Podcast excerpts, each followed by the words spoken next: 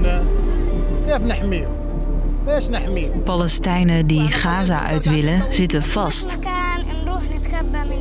Vluchten voor de oorlog kan niet. De grens oversteken naar Israël is geen optie. En ook de enige andere grens, het stukje met Egypte, blijft voorlopig potdicht voor de Palestijnen. Dat is een heel emotionele kwestie voor elke Egyptenaar. Welke rol speelt Egypte in de oorlog tussen Hamas en Israël? Ze zijn ook heel erg bang dat Hamas-strijders met de vluchtelingen meekomen. Ik ben Frederiek en ik neem je mee naar Egypte. Een podcast van NOS op 3 en 3FM. Oké, dus om de rol van Egypte in deze oorlog goed te kunnen begrijpen, moet je eerst even de kaart van Gaza voor je zien. Gaza is een heel klein gebied dat grenst aan de Middellandse Zee. En die strook is vrijwel volledig omringd door Israël. Een grens die 24-7 streng wordt bewaakt door het Israëlische leger. Maar als je naar het zuiden van Gaza kijkt, dan zie je een grens met nog een ander land, Egypte. De oorlog tussen Hamas en Israël is hier in Egypte het gesprek van de dag. Je hoort Joost Scheffers, hij is correspondent in Egypte. Veel Egyptenaren voelen zich verbonden met de Palestijnen die wonen in Gaza, zegt Joost. Zij zien nog altijd eh, de, dat Palestijnen in ja, wat nu Israël heet, wat zij Palestina noemen, zouden moeten wonen en vinden dat Israël daar niets, niets te zoeken heeft. Sommige Egyptenaren laten die steun ook zien op straat via demonstraties. Maar ondanks al die steun staat de president van het land, Sisi, niet echt te trappelen om zich te mengen in deze oorlog. Ze zeggen wel hardop dat ehm, ze geven om de Palestijnse zaak dat er een oplossing moet komen voor het conflict. Maar ja, verder doet Egypte daar niet zo heel veel aan. Want ja, ook voor Egypte ligt deze oorlog gevoelig. Komt deels door de relatie tussen Egypte en Israël. Voor een lange tijd konden die landen niet echt met elkaar door een deur. Er kwam zelfs een oorlog. Maar daar kwam eind jaren 70 een einde aan. Peace has come to Israel and to Egypt.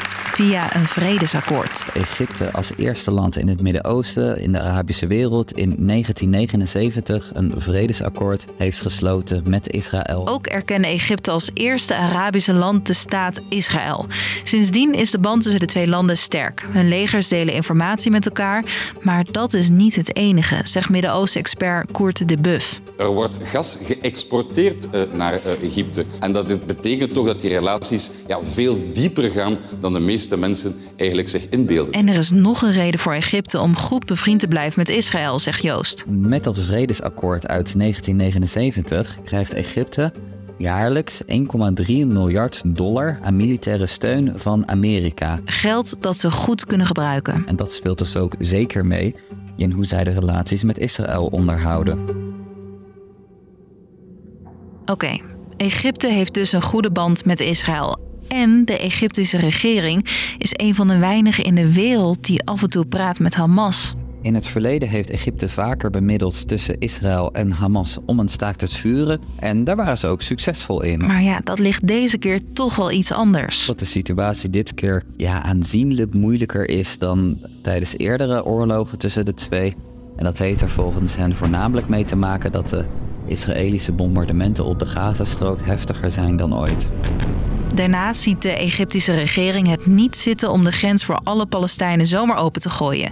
Ze zeggen dat het de Palestijnse zaak geen goed zal doen. Als er geen Palestijnen meer in de Gazastrook zitten, dan, ja, dan doe je Israël eigenlijk een plezier. En er is nog een reden waarom ze de grens dicht houden. Als ze de grens openzetten, dan zullen honderdduizenden Palestijnen normaal gezien de grens oversteken.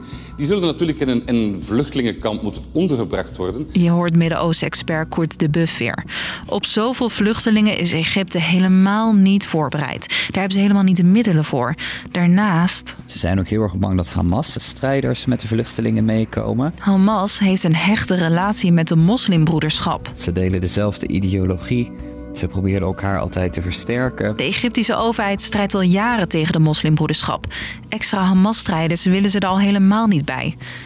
Ondertussen staan er aan de grens in Egypte wel vrachtwagens klaar. Vol met medicijnen, eten, drinken en diesel voor de Palestijnen. Die moeten dus door naar Gaza. Maar zolang Israël daar bombardementen uitvoert, durft Egypte die hulp niet naar binnen te sturen.